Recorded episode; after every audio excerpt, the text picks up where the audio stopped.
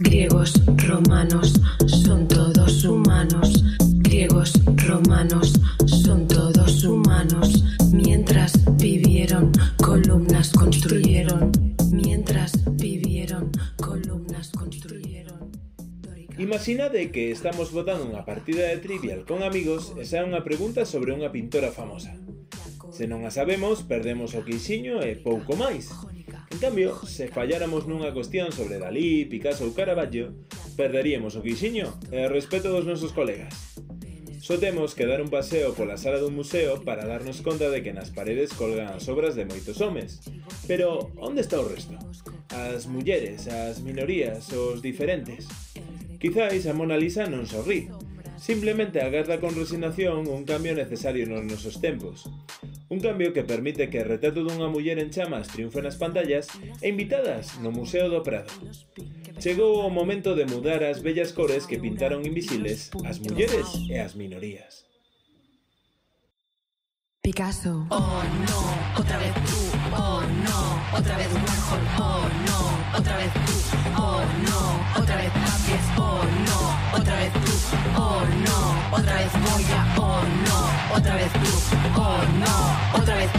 La maja desnuda, la maja vestida, la maja desnuda, la maja vestida, la maja desnuda, la maja vestida, la maja desnuda, la maja vestida. griegos, romanos, son todos humanos. Griegos, romanos, son todos humanos.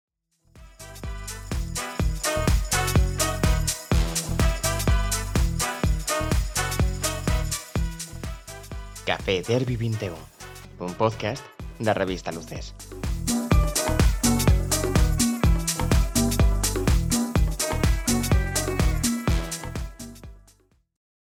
Benvidos ao Café Derby 21, unha semana máis, son Nico Carreira e ao meu carón, agradecido, como sempre teño a Adrián Lede. Agradecido e emocionado. e a Carme Domínguez. Moi agradecida tamén e moi emocionada. e eh, a outro lado da mesa eh, temos a unha estrela do mundo das artes, pero en redes sociais. Temos a unha estrela do Twitter, de Instagram, con dúas canles de YouTube. E, ademais, educador de museos na Cidade da Cultura, en Santiago de Compostela, Miguel Ángel Cajigal, tamén coñecido como El Barroquista. Agradecidísimo. E con esa presentación me falta aquí morder a Copa dos Mosqueteros. ou algo así, non sei. O que toque. O que tal, venga.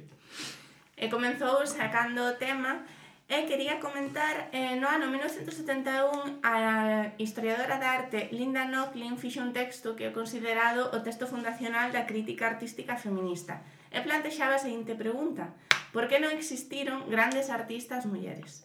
Case 50 anos despois, neste mesmo mes de outubro, o Museo do Prado inaugura unha exposición chamada Invitadas, fragmentos sobre mujeres, ideología e artes plásticas en España, en a que recolle a visión que se tivo das mulleres durante o século XIX en España e tamén como se relacionaban estas mulleres artistas, cal era a súa proxección.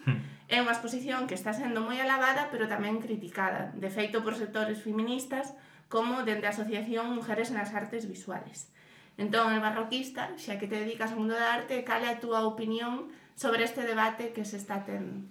Eu penso que é un debate que era moi necesario fai décadas e que como chega con décadas de retraso, pois neste caso todo é extraño. É dicir, mm. cando non fas as cousas a tempo, e claro, 50 anos, que 50 anos é o ano, o ano que ven son 50, mm. o artículo sí, de, de Linda Nochlin. Entón, claro, ti pensas, ostras, nestes 50 anos o certo que fomos bastante despacio. España tuvo nestes últimos 50 anos unha casuística un poquinho diferente do que podía ser os Estados Unidos. Uh -huh. eh, pero hai cousas dese artigo que a min me dá a sensación tamén de que non é un artigo que se lea con moito detalle. Tamén hai que decirlo, non? Me, que me parece como que se utiliza a Linda Nochlin xusto no artigo do 71 e non en todo o que escribiu Linda Nochlin pois. ata hoxe, non? eh, para generar un certo estado de excepción, non? O interesante de invitadas para min, que aparte coñezo ben a exposición e eh, que lín o catálogo para arriba e para baixo, sobre todo é que naturaliza por primeira vez, no caso dun museo de arte clásico europeo e internacional, como pode ser o Prado, a presenza das mulleres tanto na arte como a propia presenza como artistas. E iso é algo que nunca se fixo. E, de feito é curioso, porque outros museos en contextos teóricamente máis avanzados en cuestións de igualdade, como pode ser o Reino Unido ou os Estados Unidos, non atopas ao Metropolitan de Nova York a este nivel. Nunca fixo unha exposición destas características ao Metropolitan de Nova York. A National Gallery de Londres tampouco fixo nunca unha exposición destas características. O final é curioso, que chegamos tarde, pero a sensación como que chegamos con, con, con máis forza. ¿no? Pero crees que esta exposición de cara ao futuro porque o Museo do Prado, de feito, expón eh, moitas obras que tiña guardadas mm. durante moitos anos. Sí. Eh, xa dixeron, creo que foi o comisario, que as iban a incorporar, que mm. facían como un pouco de autocrítica. Crees que realmente vai cambiar o Museo do Prado e que van cambiar tamén outras institucións públicas de carácter cultural neste sentido. Claro, aí están como as dúas patas. Eu penso que o Museo do Prado no último ano e medio, honestamente, eu son moi crítico. E de feito, mm. eu ah. fui moi crítico con o Museo do Prado durante moito tempo. Penso que no último ano e medio se puxeron moitas pilas. Mm. Moitísimo. É dicir, tamén hai que ser conscientes do que é o Museo do Prado. É un museo de arte clásica, traballa nun eido no que non hai mulleres vivas. É dicir, hmm. o Museo do Prado se agora quere ir ao mercado a comprar cadros, ten que comprar cadros normalmente anteriores a 1900. As mulleres artistas anteriores a 1900 agora mesmo son as estrelas do mercado. Non podes competir. Mm. Estamos a falar de que un cadro dunha boa artista anterior a 1900 te pode salir por 20, 30 millóns. De onde os saca o Museo do Prado? Sí, sí. Entón este movimento que fixo o coloca probablemente non quero decir o máis ala que pode chegar, pero nesta faceta concreta, porque mm. Linda Nochlin non fala solo de expoñer mulleres, nesta faceta concreta probablemente non queda moita máis marxe para ir cara ao futuro. Donde debería avanzar? en ter máis mulleres en postos de cargo, que é hmm. importante, sí. en ser dirixido por primeira vez por unha muller, sí. que ten 200 anos. Eh, vin fai pouco un documental que está en filming e recolle como cada capítulo é sobre un museo. Ah, en, en o Museo do Prado chamou sí. moita atención que centranse moito na parte que teñen de restauración. Sí. Fan moita restauración. Eran absolutamente sí. todo mulleres. Eh, claro, e de feito, as estudantes de Historia de Arte, a maioría son mulleres. Claro. E volvemos ao conto de aos altos cargos están quenes están. Sí, sí, é tal cual. Entón, nese, neses campos queda moito por facer, no Prado e noutras institucións. Eu penso que esta exposición, sobre todo, é unha exposición que dentro de 10, 15 ou 20 anos se vai a recordar eh, se vai a mirar cara a ela como se mira cara as exposicións que fixo a propia Linda Nochlin, non? un pouco salvando as distancias. Sí. E vai a servir de modelo para outros museos porque e que hai 40, 50, 60 cadros que están na exposición que estaban nun estado terrible, non se podían expoñer e que se restauraron especificamente para isto. Hmm. Cando eses cadros volvan aos seus museos orixinais, volven xa cun pedigrí, non? Cun, cunha especie de caché, por decirlo de alguma maneira, que para eso se fan estas expos. Hmm. Entón, eso vai a ir contaxando pouquiño a pouco o resto de museos. Espero que así suceda, claro. Claro, é que ao mellor entramos no mundo de que se o Museo do Prado non pode competir a nivel económico adquisitivo con uh -huh. outras grandes salas, outras grandes pinacotecas, eh, ao mellor entramos no mundo de, vale, non podo ser eh, quen os posúe, podo ser quen os expón e podeste convertir nunha galería das máis importantes dese nivel. Uh -huh. eh, no caso da National Gallery, sabes que ali é moi complicado que se este tipo de exposición porque hai xente terriblemente conservadora neste aspecto e que son totalmente personalistas no mundo da arte e que tanto como o movimento interesalle máis unha historia, unha, un, organizar exposicións alrededor de vidas neste, neste estilo. E ao mellor o Prado consigue abrir este pequeno mercado e o que me parece interesantísimo que, que mencionade os vosos dous eh, é o concepto de que eh, as mulleres no mundo da arte sí que existían, eh, estaban hmm. latentes e patentes, pero sin embargo tratanse a día de hoxe como se foran nas novidades do mercado ao mesmo tempo co contemporáneo, que artistas contemporáneos. E ademais o Museo do Prado tivo moita sorte por unha cuestión curiosa, aínda que a configuración da súa colección é bastante clásica, porque ao fin e ao cabo o Museo do Prado é o resto da colección real, con sí. engadidos, non? O interesante é que nesa colección real había mulleres. Eh, a National Gallery de Londres ou o Metropolitan de Nova York, que son museos moito máis novos, non, non derivan dunha colección de 500 anos de antigüedade, o tiveron moito máis complicado e teñen un estado de exclusión bastante máis chungo contra as mulleres, porque basicamente a National Gallery de Londres ou o Metropolitan de Nova York teñen as obras de arte que foron consideradas polos críticos durante os últimos 200 anos de ser dignas de ser compradas. Mm, uh -huh. O sea que todo tíos. Sí, claro. Entón, claro, eh, por exemplo, fai uns aniños, non 3-4 anos, a National Gallery comprou un cadro de Artemisia Gentileschi. E o pasaron os levaron de paseo por todo o Reino Unido. En plan, épico. Acabamos de comprarnos un cadro dunha muller. Miro que, miro que fixemos. Os, os puxeron en, li, en bibliotecas, o levaron a centros sociais, o pasaron por toda Inglaterra. No, ademais é que en Reino Unido teñen este fenómeno de o autobús que leva cadros ao sí, mundo. sí, sí, Esto sí, en sí. Escocia, sobre todo, está sí, moi sí. de moda. Igual que as librerías móviles. Sí, sí, esa é unha cousa que ali eh, renovase tal e o do cadro este en concreto non o sabía, pero que ese é un espírito británico absoluto total. Un, un tema interesante que dicides é o de que esas cousas mandan homes, siguen mandando homes. E aunando unha, unha película que gustou moitísimo ano pasado, que está eh, moi relacionada co mundo do arte, que foi Retrato dunha muller en, en llamas, llamas eh, encantoume esa película e o que lle pasou a película, a película fora de na actualidade, é unha película dirixida por unha muller, protagonizada por dúas mulleres e conta unha historia lésbica. E a fotografía tamén é dunha muller recreando cadros, o sea. Bueno, que te, bueno, eh, e a pintora dos cadros tamén. Tamén. Eso é, é todo un culmen. É, eh, é un de, de arte das mellores cousas que que vin, pero o que me interesa é eh, a película estaba nominada aos premios César, que son os premios Goya eh, franceses. franceses. franceses. Eh, competía con Polanski Eh, de nuevo. Competía con Polanski e as a directora, as actrices son moi reivindicativas e estaban en contra de Polanski, manifestáronse en contra de Polanski. Que fixo a Academia Francesa? Premiou Polanski a mellor película, mellor director, bueno, eh, todo. Mm, humillou unas públicamente. E dixo, deixoulles claro, en plan, vos aquí non tedes sitio. Non tedes sitio. E objetivamente, sí. creo que hai moitísimo máis nivel en na película de Retrato dunha muller en llamas que na última de na última de Polanski. E incluso había outra película que era Les Miserables, que foi a, a representante no, dos Oscars. Oscars.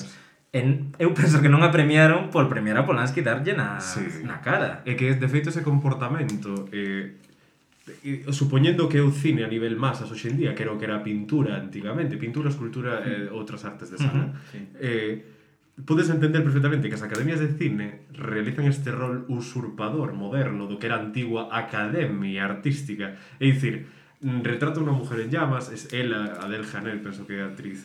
Sí, eh, é a protagonista. Eh, fai, eh, é unha pintora, es, igual a pintora non, Adel é a, Adel a, a, a, a, a retratada, a, a, a, a Loura. A, pois a que fai de pintora, que agora non recordo o nome da actriz, eh, Claramente boísima, é unha pintora boísima, pero que pasa? No momento da exposición, mm. fan esta exposición penso que en Viena, sí. ela ten nos catálogos dous números e había xente que tiña 10, 12 números e era totalmente pois pues, un, unha pintura máis invisibilizada, e, e ninguneada. É que unha cousa moi interesante que se fala nesa película é o papel da muller como artista e as restriccións Porque, por exemplo, nesa época, facer un desnudo era ser pois un pintor de primeira de mira que ben fago os desnudos nas academias, e a, a de París foi moi conservadora nese sentido, deixou as mulleres en plan, ai, si podes vir as clases, que pasa? As de desnudo, unha muller vendo, dibuixando un, a claro. outra muller, porque ademais claro. dibuixanse mulleres. Claro, claro. Desnudas era como algo que non se podía. Que facía? Non faz desnudos? Non tes prestixo. Claro. Porque o que ten prestixo é facer, por exemplo, o mito de Susana e los viejos, no que aparece unha muller completamente desnuda. Non sabes facer ou faz como a que mencionaches Artemisa... Artemisa Gentileschi. Sí, que eh, fixo un cadro dese mito Que pasa? Que representou unha muller que estaba a piques de ser violada en vez de cun desnudo absolutamente suxerente ou que intuía unha serie de nun lugar pois de sí. disfrute, tal, pois hmm. non fixo unha muller que estaba asustada, asqueada ante os dous vellos que iban sí. detrás dela. Entón, volvendo un pouco á pregunta de por que non existiron grandes artistas mulleres, e por que non puideron. Moral. Está ben que películas como Retrato pois res, eh, rescate iso ou a propia exposición de invitadas nos faga entender pois por que non están sí, sí. non de Darlle visibilidade hoxe en día mm. da forma que sexa é sempre necesario, ainda que De feito, eso está moi ben contado en invitadas porque precisamente o que comentabas de o oh, o estudo do natural espido non, non era posible. Ao final, as mulleres pintoras do 19 se adicaban pois, á natureza morta... Aos retratos tamén. Cousiñas así máis, máis ben domésticas de, de, de verse na privacidade, non? O retrato sí que estaba moi practicado. Hai moitas raíñas e, e zarinas que pintaban, pero pintaban pois as súas amigas, o seu círculo, un pouco esa idea de limitalo sempre á afición, non? De Esta hecho, idea de pintora aficionada. Isabel II que era moi boa copista. Sí, Isabel II era bastante aceptable. Unha das grandes sorpresas para min da exposición. Eu recordo fai un ano e pico, creo que foi no Museo Ruso de Málaga, eh, que vin un cadro dunhas bailarinas, no? de Zinaida Serebriakova, que é unha pintora espectacular. E tuve unha sensación moi curiosa ante ese cadro. Eh, Zinaida Serebriakova se pintaba a si sí mesma, eh, se reproducía a sí mesma durante todo o cadro, porque claro, era máis cómodo, porque se si non podías ter acceso a outros. E me pareceu un cadro cunha carga tremenda que non ves en cadros de, de homes que pintan a mm. mulleres, mm. como por exemplo de Degas, ¿no? pintando as bailarinas. Sí. Eh, eh, foi un cadro que para min foi moi especial, non? Porque de alguna maneira era como artista expresándose a sí mesma, en plan, eu me pinto a min, que pasa, non? Aquí non pasa nada. Ela é máis que un obxecto para si sí mesma, claro, non? Dalle entón, alma. Entón veías mulleres completamente autoconscientes. É certo que, curiosamente, esa misoxinia no que é a imaxe da muller na arte é algo relativamente recente. É dicir, no século XVI, XVII, bueno, non había moitas mulleres que pudesen levar un, un obradoiro de pintura por cuestións puramente sociais. Sí, sí. Que non significa que non houvese mulleres pintoras. Había mulleres pintoras nos estudos, pero non podían ser as que o levaban. Igual que sabemos que había mulleres carpinteiras, que traballaban na carpintería co home e cos fillos, mm. pero o día que había que ir a cobrar, iba o marido. Claro. Por se acaso se rifaban unhas tortas, pois o claro, ou non querían pagar ou o que fose, pois o marido igual entendían que tiña unha maior capacidade para cobrar e ao final era o que lideraba. No 19, xusto, hai como unha curiosa regresión. E hai un montón de pintores sobre todo penso sempre en Degas, que é un pintor que particularmente lle teño un poquinho de cariño, que que ves como pintan e debuxan as mulleres e as consideran un obxeto máis, literalmente, non? Estas famosas eh, toilettes de Degas, sí. que están as mulleres eh, bañándose ou duchándose a si sí mesmas dentro dentro da gran palangana, non? Sí. Literalmente, hai algúns debuxos de Degas que as posturas son completamente absurdas. É como, mira, pon aí o brazo, pasa por detrás da orella, mete o pé na outra orella Ai, Dios. e ponte, e ponte facer o pino. É unha muller, é así. Que te vou a debuxar, non? Entón, cando te atopas con catros comos de Zinaida Serebriaco ou outras mulleres que son naturais, non? que non tratan a muller simplemente como un obxecto, notas a diferencia. É como, hostia, de repente, ou as propias maternidades. Zinaida Serebriaco pintou moitísimas maternidades. Non? da súa propia maternidade. Hmm. Cambia radicalmente. Isto, curiosamente, teóricamente vai contra un dos principios de Linda Nochlin, que é un pouco esa idea de non hai unha arte específica das mulleres. Mm. É un dos grandes debates, unha das cosas que a mí máis me interesa, non? Sí. É, é un pouco irresoluble, non? Si as mulleres artistas ten, ten, tin, tiñan máis ben, porque hoxe en día xa é diferente, non? Tiñan unha mirada diferente, si sí ou non? Eu ás veces penso que sí, Eh. Outras veces parece que non. Eu creo que hai de todo, como en la viña del señor eh, nos habremos de encontrar. E eu penso que hai de todo, quer dicir, eh, no caso de Artemisa penso que é unha perspectiva totalmente na súa época, sobre todo, totalmente anovadora. eh, anovadora para nós que a, conoce, que a coñecemos, pero na súa época era anovadora igual sen coñecerse, uh -huh. ou non gozando do mesmo recoñecemento que os seus coetáneos. Pero sí que penso que o que pode aportar unha creación feminina recoñecida, pero así como digo feminina, eh, tamén digo racializada, unha, unha creación sí, sí. de orixe negra, unha creación de orixe queer, eh, son perspectivas do mesmo asunto. Sí. Penso sempre eh, na arte asiática, por exemplo, porque eh, pasa ir do, do occidental.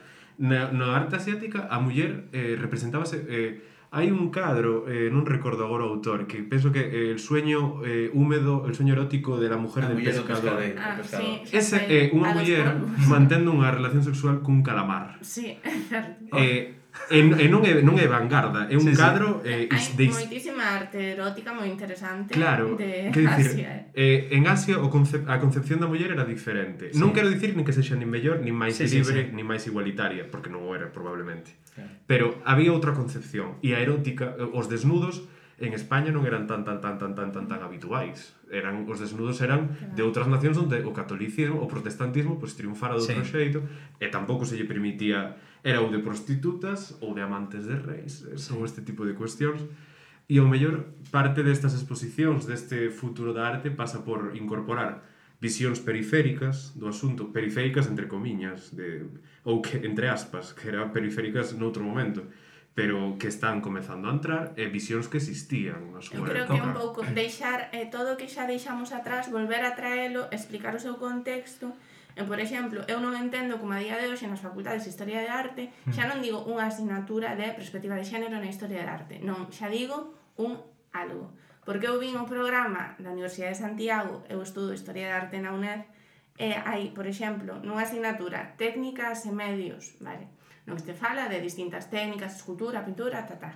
E ten nun libro de 50, de 50 ou 50, 200 páxinas, non hai ningunha obra feita por unha muller. Pero eso é, é unha invisibilización, un... unha falta de conciencia hmm. que hai xa dende as persoas que están formando a outros. Ese é un problema, creo que das carreiras en xeral, que están un pouco desactualizadas.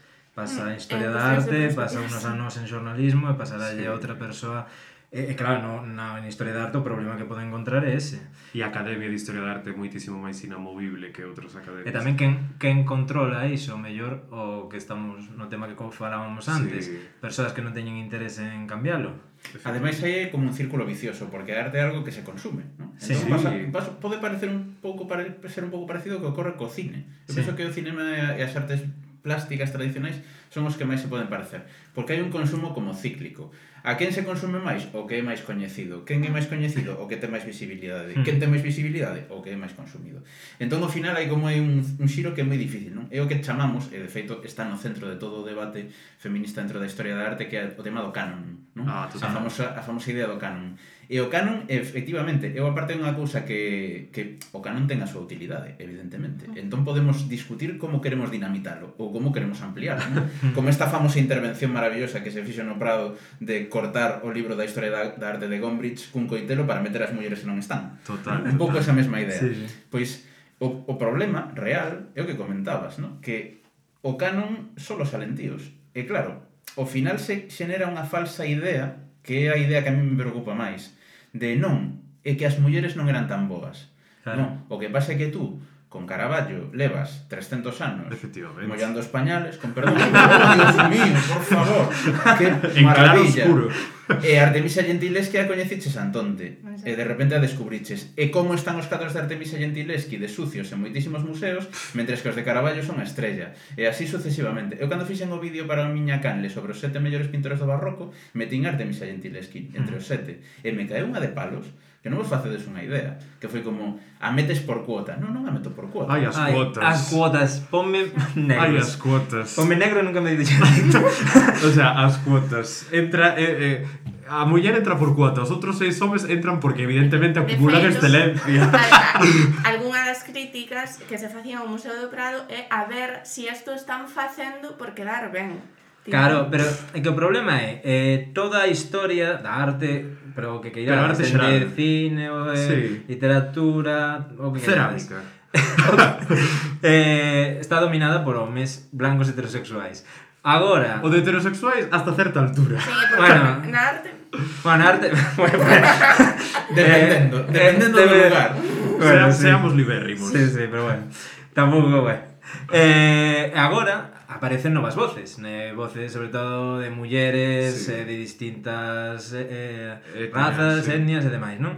Eh, como aparecen, eh, están aparecendo porque se está dándolle a oportunidade, pero eh, o primeiro comentario sempre é ai non, tan danlle oportunidade porque é unha muller china eh, que vai contar tal eh, por exemplo, de Farewell que foi unha película que sempre falo dela eh, que contaba unha rapaza de orixe asiático, a súa historia, ela é estadounidense, pero de familia asiática, claro. contaba a súa propia historia. Esa, esa historia só pode contar ela. Eso mm. pode contar unha persoa que coñece, que ¿eh? coñece eso, non pode contar un director blanco, ni, ninguna directora no, ninguna blanca. Directora blanca. Eh, se non lle das oportunidade a persoa, non vamos ter esa película no cine, que foi unha gran película ano pasado. Sí. Ese, eso calificaríase de cuota, por exemplo. Claro. Pero, claro. Que, pero que a xente a cuota que ten xa interiorizada non a ve. Claro. Cando pasou isto fai unhas semanas, que eu estuve falando bastante diso en redes, o tema das novas reglas para gañar o Oscar a mellor película, como, primeiro, reglas sempre hubo. Sí, sí. Sempre, en fin, vamos. Por exemplo, para poder concursar ao Oscar a mellor película, tes que ter distribución nos Estados Unidos. Esa Se non tururu trompeta. A ver cantos cineastas do mundo poden ter distribución nos Estados Unidos sí, sí. que costa un pastón. Logo, cando a cuota era todo tíos, non tiñas ningún puñetero problema. Claro. Porque ao final é como no Museo do Prado ou en calquer outro museo. O sea, me estás dicindo que no Museo do Prado hai 6, 7, 8 salas dedicadas a Velázquez, sí. que a mí me encanta Velázquez. Sí, sí, adoramos me, Velázquez. Me, me flipa, é fantástico, é fabuloso. Pero non se poden baixar dous cadros de Velázquez. Claro, claro. Que te va, vais che caer a pel para facerlle sitio a outra persona. Sí, que pode sí. ser home, pode ser muller, pode ser un pintor peruano, pode ser o que queiras. Sí,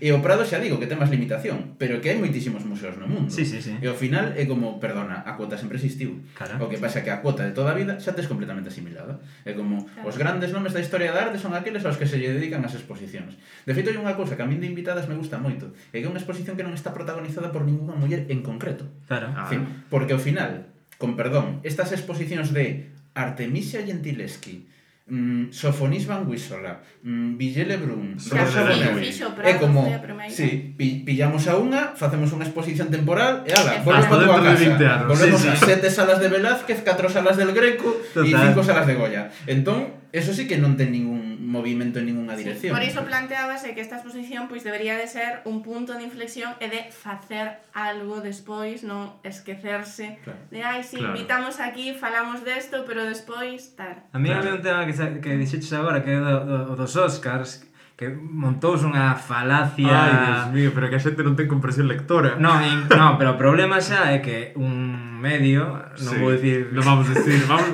vamos a sinónimo. Aquí, ne, aquí metemos... El paus. planeta. o planeta Terra. Un medio eh, intermedio.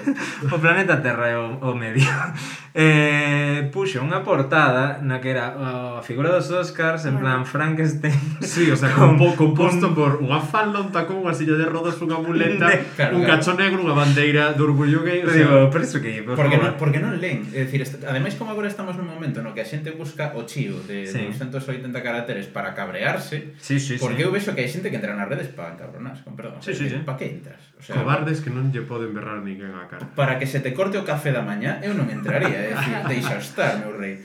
O final, se ti lees as normas, de feito nos no, na canle do Pasquino fixemos un vídeo sí, sí. respecto, non? Con Xoan Escudero, que é director de cinema, estuvo nominado aos Mestre Mateo.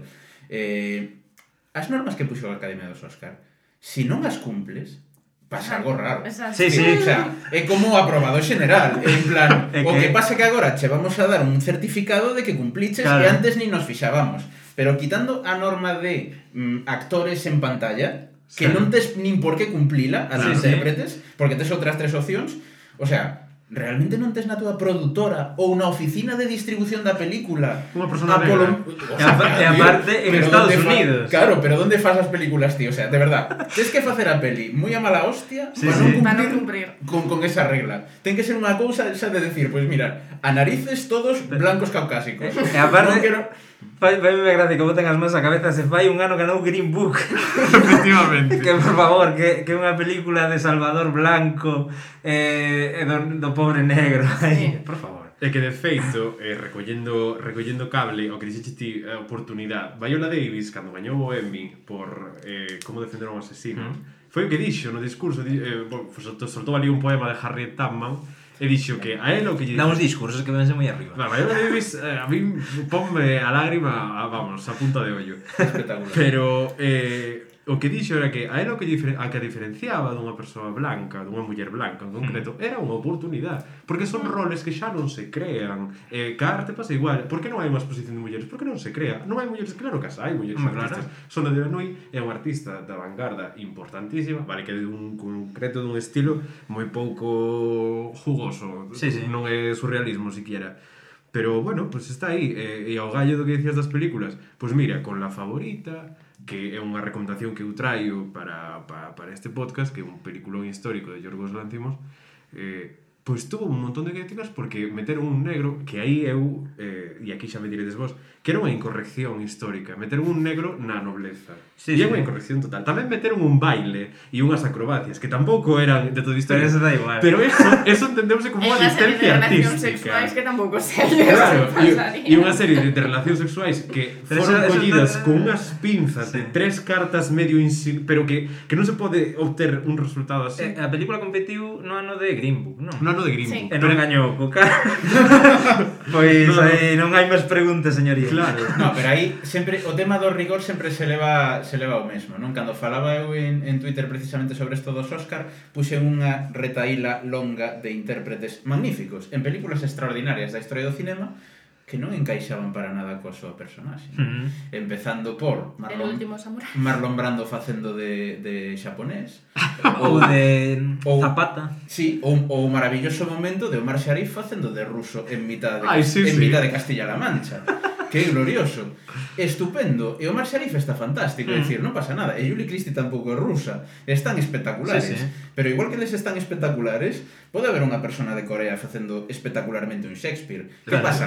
que como no noso eido non estamos acostumados, Porque ti, aí sí que é certo que se te vas a Londres, ti estás acostumado a ver un, a Hamlet interpretado por unha persoa de Sudáfrica, por unha persoa de Australia, sí. por unha persoa de calquera lugar do mundo, e están moito máis acostumados.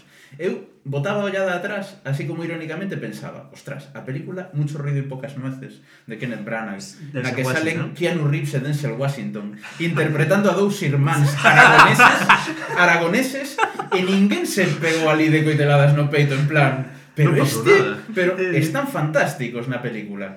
Kenneth Branagh era un visionario. O sea, hoxe en día estrenas mucho rollo y pocas nueces e se te botan a garganta en plan, como te atreves a poner a Denzel Washington interpretando un personaje español? Pero se pos a Sirenita, que un, que, no, que, que sepa non existiu. No, obviamente, un mito e dis que é negra. ou, ou así latina sí. e monta xente un pollo en plan, por favor, estás me arruinando a infancia Total. e teño 30 anos como cos superheróis ¿no? tamén non, non, non, sí. pode, non pode ser ou James Bond, que queren que se xa no, a ver, por exemplo, Viggo Mortensen facendo dun andaluz que era capitán da latina pero como pode ser isto Con ese acento que ten Vigo Mortensen, rarísimo. Sí, con acento de, de aquí, de aló.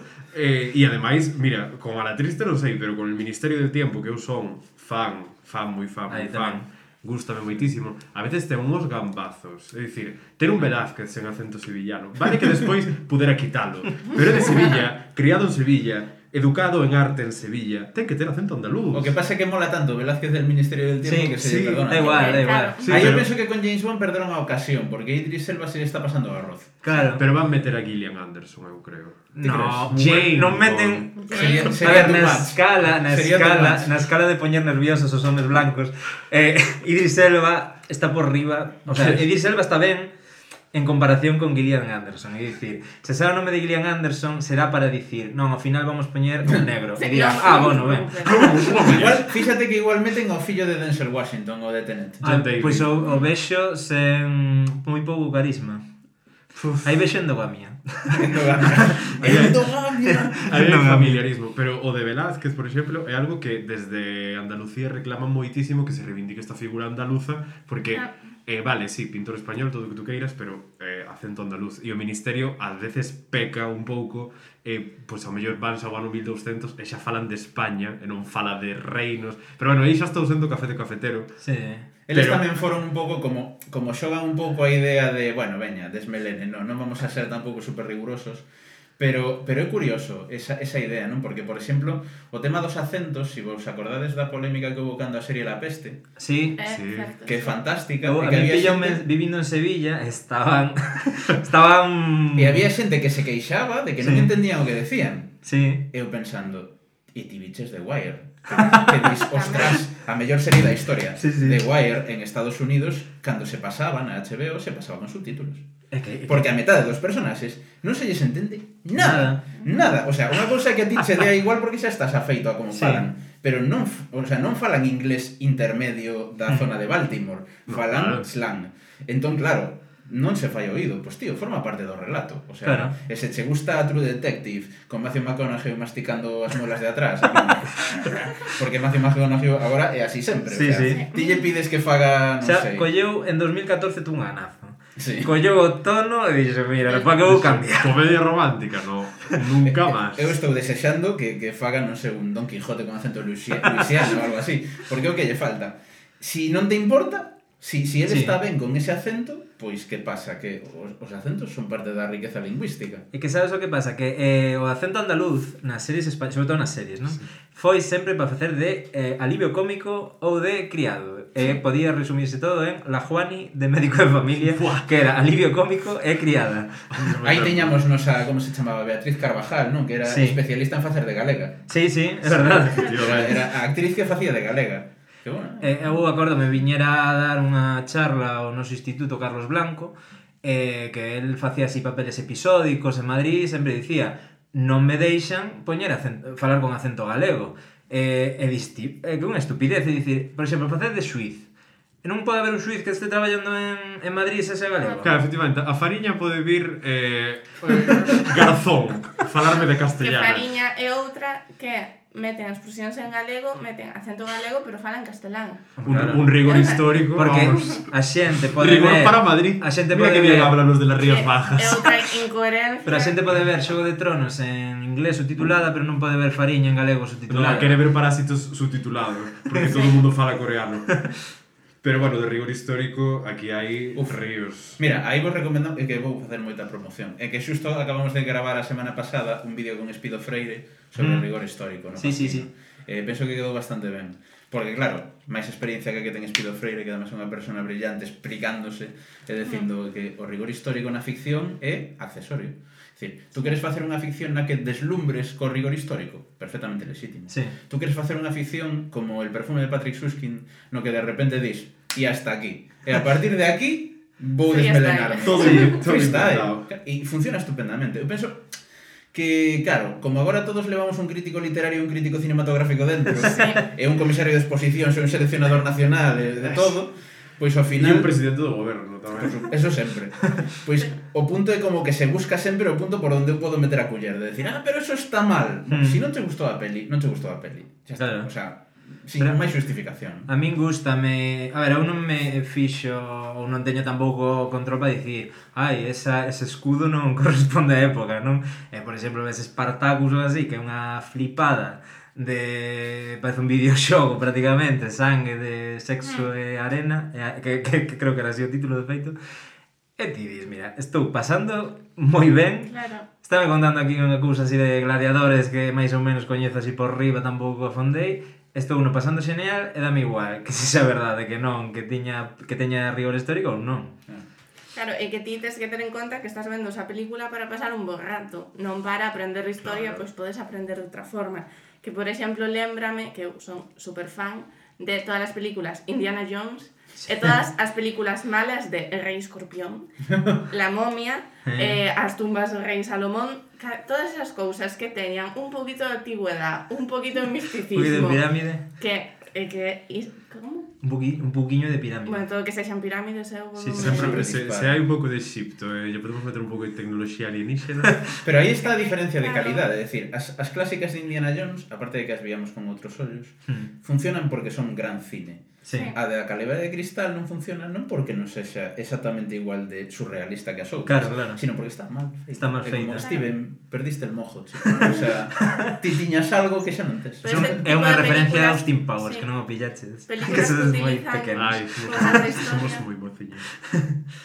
Pero mira, por exemplo, eh, eh, cando cambian así unha unha que me gustou moito como cambiaron, que moi mítica, que malditos bastardos, que cambiaron a historia, pero sí. mataron a Hitler directamente. Hmm.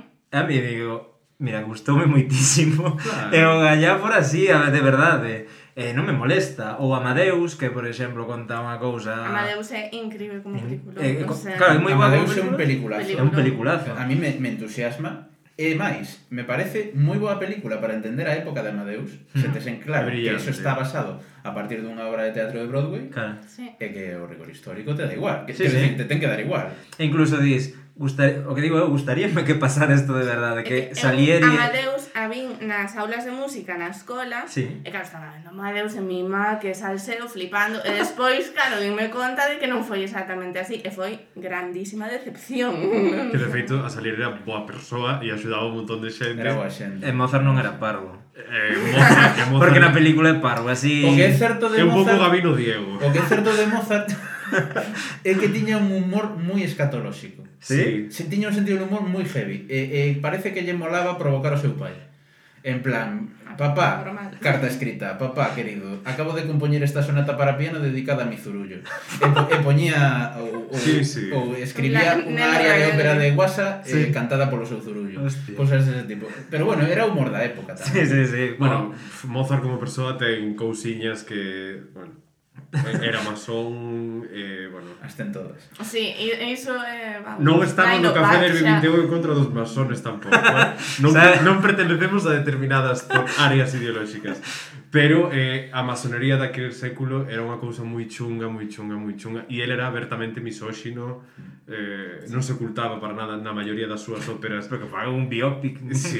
eh... na maioría das súas obras as mulleres sempre son malas eh, bruxas, non sei que, rouban e eh, todo Sí, pero naquelas épocas é que o difícil é encontrar o contrario, é, o contrario claro, claro. que existe volvemos ao de antes, está completamente invisibilizado entonces... Non imos cancelar a Mozart ni nada. No, cancelar, cancelar a Mozart no, no. é imposible. La flauta carta mágica, sí, sí, Sin embargo, cando traballa con Da Ponte, que é un grandísimo escritor, e aparte era un jeta, fantástico, que o que lle escribe os libretos das tres óperas italianas. Pasan os mellores casos. Ten, ten, ten un caso como completamente inverso, ¿no? que, que a, a, a apertura do segundo... Vou me poñer moi pedorro, eh? A apertura do segundo ato das bodas de Fígaro, porque o primeiro ato ah. das bodas de Fígaro é todo cachondeo, todo sí. fiesta, jiji, jaja, o conde que persigue a doncella, ra, ra, ra. E o segundo acto, a primeira persona que sale é a muller reflexionando sobre sobre todo o que fai o seu marido. De feito, Fígaro é, é eh, eh, retratado como unha mala persoa, bueno, mm, esta especie de pues Don Juan, sí. unha cousa así un pouco churrumeca.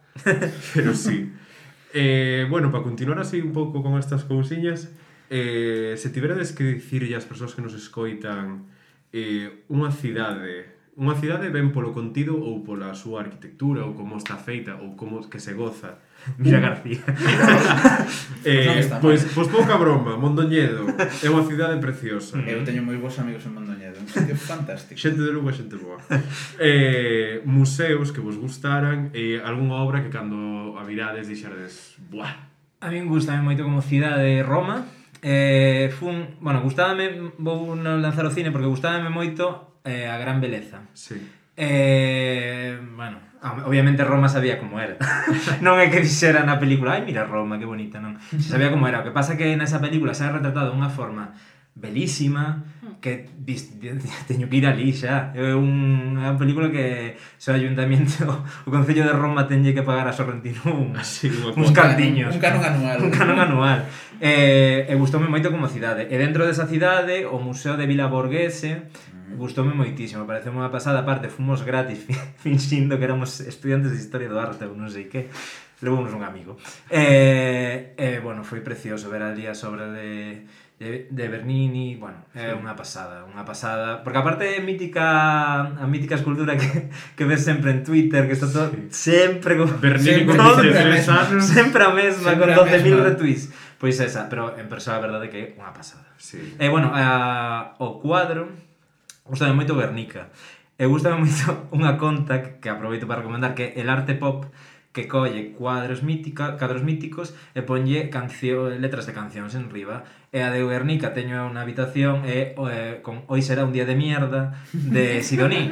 e parece un mood total do sempre ano. Entón, certo, sempre certo. sempre certo no 2020, máis. A este lado... Eu en cidade quería falar, o que pasa que vou ser xa moi breve, de Cracovia, porque eu pasei un ano vivindo ali E conozco a moito no sentido artístico a cidade con moitísimo contraste e para ser Polonia, que sabemos como son os polacos, sabemos. unha cidade moi moi aberta, pouco atravesados. sempre con moitísimas exposicións, con moitísimos colectivos mm. facendo cousas interesantes. E ten un cadro de Leonardo da Vinci que non o ten casi nada. Sí, o de A Dama de, a Dama de la... Dormiño, certo.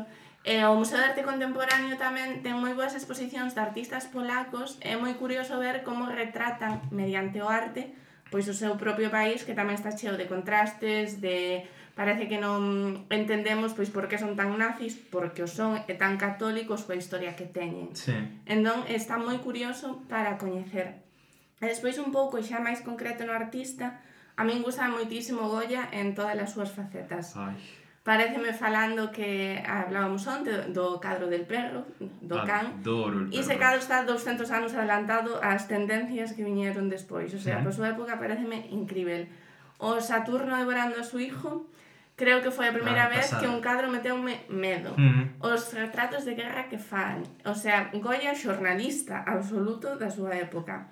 E despois gustoume moitísimo a exposición tamén do Prado de dibujos. Foi a última exposición a que fun, e maravilloume porque todos os temas que trata dentro da igrexa, incluso temas do maltrato a muller, de tauromaquia, da sociedade do día a día, sí.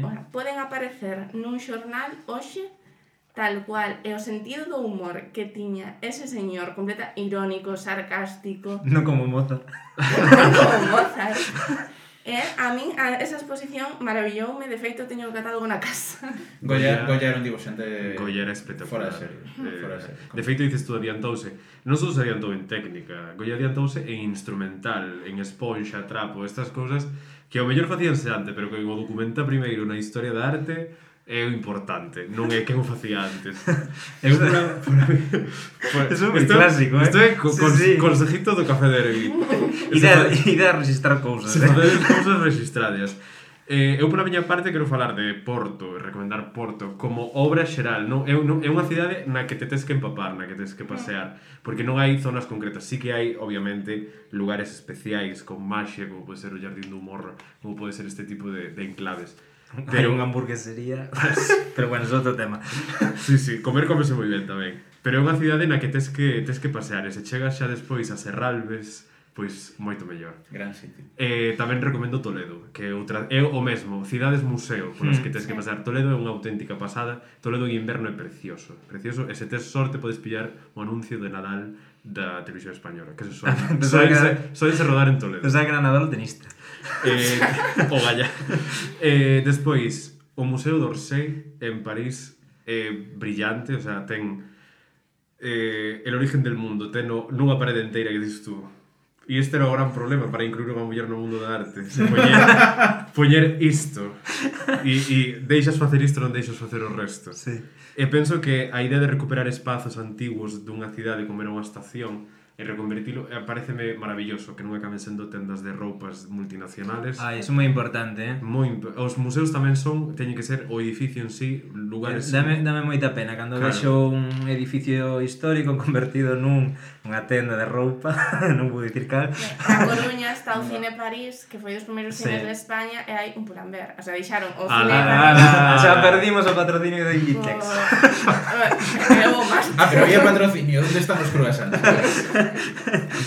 e despois a obra eh, sobre todo, eh, máis como obra é un autor eh, fa, eh, é fotógrafo pero é fotógrafo de outro nivel eh, as, as produccións das súas fotografías poden chegar a custar millón e medio de dólares que Gregory Crewdson mm. eh, toma inspiración do mundo da arte fai mm. fotografías que polo, polo detallismo, pola produción mm. por como se fan é un cadro en si sí mesmo e podes analizar. Interesante que saques o mundo da fotografía porque tamén hai eu e, e, fun a exposicións de, de fotógrafos que impresionaronme tanto como de grandes cadros sí, da historia. Sí, o sea, eh, ao final é ter tamén unha perspectiva única e Gregory Crucho que, que llevo tan en cara que é un autor de, eh, premeditado mm. que pensa, pero non lle vexo nada de malo, se a tua fotografía artística e non é fotoxornalismo, sí, sí, non sí. ten nada de malo E en concreto unha obra que, como casi todas as que ten, non ten título, pero que é do ano 2006, e que podese verse buscando eh, Gregory Crewdson, eh, pois... Eh, Poñémolo nas redes, por exemplo. Claro, podémolo poñer nas redes. Sí, é sí. unha foto na que hai un, ca un coche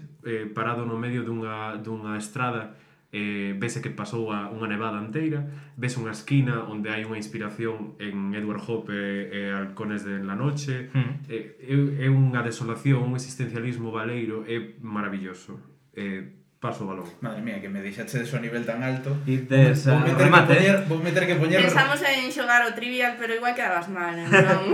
sí, bueno, eu antes era bo, eh? Vou meter que poñer rebuscado. Cidade. Uf, é que hai moitas cidades que a mí me, me encantan, pero hai unha cidade que para min é un, algo moi especial que é Berlín. Ajá. Aparte, te, teño a sorte de que estiven nas tres que dixéchedes, tanto en Roma como en Porto como en Cracovia, que me gustan as tres. E en Toledo estou. E en Toledo tamén. en Vila García. En Vila García, pero Vila García moito, ademais, que Vila García ten, ten tamén moito encanto. Berlín é unha cidade que se non fora polo clima Mira, que, que, que ten o seu influe, influe. pero é moi interesante ver como Berlín que foi moitas veces moitas veces diversas ao longo da historia unha das cidades máis avanzadas de Europa e sempre tuvo algo traumático que acabou con eso. Sí. é, é unha cousa que se vive moito en Berlín que é un lugar fantástico para perder todos os clichés sobre os alemanes. No? Esta idea dos alemanes son moi cuadriculados e sempre siguen as mm. normas. E de repente te atopas que nunha glorieta onde pon un cartel non facer barbacoas, hai catro familias facendo unha barbacoa, pasando o domingo pola mañá. No? É unha cidade moi especial. É unha cidade cultural brutal e a nivel de museos de xeito bastante silencioso, teñen algúns dos mellores museos do mundo e, e non o contan. O, ah, é así como as caladiñas. Eso, sí, sí que son alemanes. As, as caladiñas. Eh, entón, como museo, vou escoller un de Berlín que é un museo que non é moi coñecido, eh, que é o Museo Bergruen. O Museo Bergruen é a mellor colección de obras de Picasso que existe. Oh. Non en canto a cantidade, senón en canto a calidade. Eh, o señor Bergruen era o marchante de Picasso. Ah. Entón quedaba coas cousas boas. Ah. E a parte de Picasso, fixo toda a colección ao redor dos dous artistas que el levaba, que eran Paul Klee e Picasso. Ah. Entón ti podes ver os mellores cadros de Klee, os mellores cadros de Picasso, e logo, para facer contexto, o señor Bergruen mercouse un Giacometti, un Calder, un Cézanne, ¿no? un ah. pouquiño para darlle ah. contexto a todo. É un museo que podes ver prácticamente mm, tiso, está en Charlottenburg, de feito xusto enfrente do Pazo de Charlottenburg, e podes botar ali días, eh, que non queres salir. O final, cando sales pola porta, se che racha o corazón cando descubres unha historia que aquí non se conta, e que o señor Bergruen estuvo en negociacións durante os 80 co Estado español para venderlle a súa colección, e o Estado español decidiu rexeitala. Ah. Oh, outra, outra gran decisión de España. Outra gran decisión. e acabou en Berlín, non? E ti sales ali co corazón encollido en plan, oh. outra oh, por vez favor, España. No. E para sinalar unha obra, vou escoller unha que eu defendo moito, non? Porque todo o mundo vai aos mesmos sitios, entón hai que romper un pouco esa dinámica, que a Capela Scrovegni, en Padua. Para, aparte de que Padua é unha cidade fantástica, como case todas as grandes cidades do norte de Italia, que bueno, Vicenza é un, un paraíso, hmm. Pero a Capela Scrovegni ten todo o que podes ver na Capela Sixtina pero sin xente. Ah, que importante sobre todo nestes momentos. Claro eh, a, a Sixtina é como a Sixtina, a Sixtina a escala da Sixtina fai imposible a todos os niveles poder disfrutar. É dicir, unha desas obras que temos sacrificada no altar mm, do ben común en plan, polo ben común teñen que pasar 6 millóns de persoas pola Sixtina o ano ah. mentres que a Capela Escrobeñe é unha capela que se visita en grupos moi reducidos danse o tempo xusto para ver os frescos de Giotto que é un dos grandes artistas da historia da arte. Eu, de verdade, todo o mundo a que lle recomendei a Escrobeñe saliu flipado flipado de verdade, porque podes ver as cousas con calma, ves as cousas de cerca, porque sí. a Eslovenia é moi pequeniña, en diferencia da, da Sixtina. É eh, un espazo moi especial. É un dos sitios así máis máis que me deixaron máis tocado. Eu son moi fan da arte, pero isto do estendalazo o levo con calma. É dicir, sí. sí, me gusta tal, pero non me desmayo. Pero é certo que na Escroveñi pasan cousas. Eh? A xente sale moi tocada. Ah. Hai ganas de viaxear, eh? Sí, e ao mellor estamos falando moito de viaxe, estamos falando moito de estranxeiro, o contexto non, non axuda moito. Así que vamos deixar que a xente navegue, que a xente atope por internet Queridas... Subiremos cousas ás redes. Subiremos cousas ás redes. Que nos sigan as redes, claro. que iremos completando. E subiremos máis recomendacións en clave divulgativa, como todo o que fai o Café Derby, e, por suposto, pediremoslle a El Barroquista. ese, seguido Barroquista. Obviamente, seguido El Barroquista nas redes xa seguirás, sociales. obviamente, está aquí. se, se, se chegastes ata aquí por el, xa ao mellor os que tedes que seguir é a nós. Eso sí. eh, Mais nada, solamente agradecer, pediremosche obras para engadir en redes sociais a divulgación ás nos, ás nosas que xa, xa temos por aquí anotadiñas. Eh, grazas por, pola túa presencia, grazas polas túas palabras, por teu tempo. Un placer. Eh, como sempre, vémonos a semana que ven no Café Derby 21. Graciñas. Da Vinci Botticelli, el Bosco Caravaggio, Rubens y Tiziano, el Greco y Velázquez, el Falo, es Tendencia,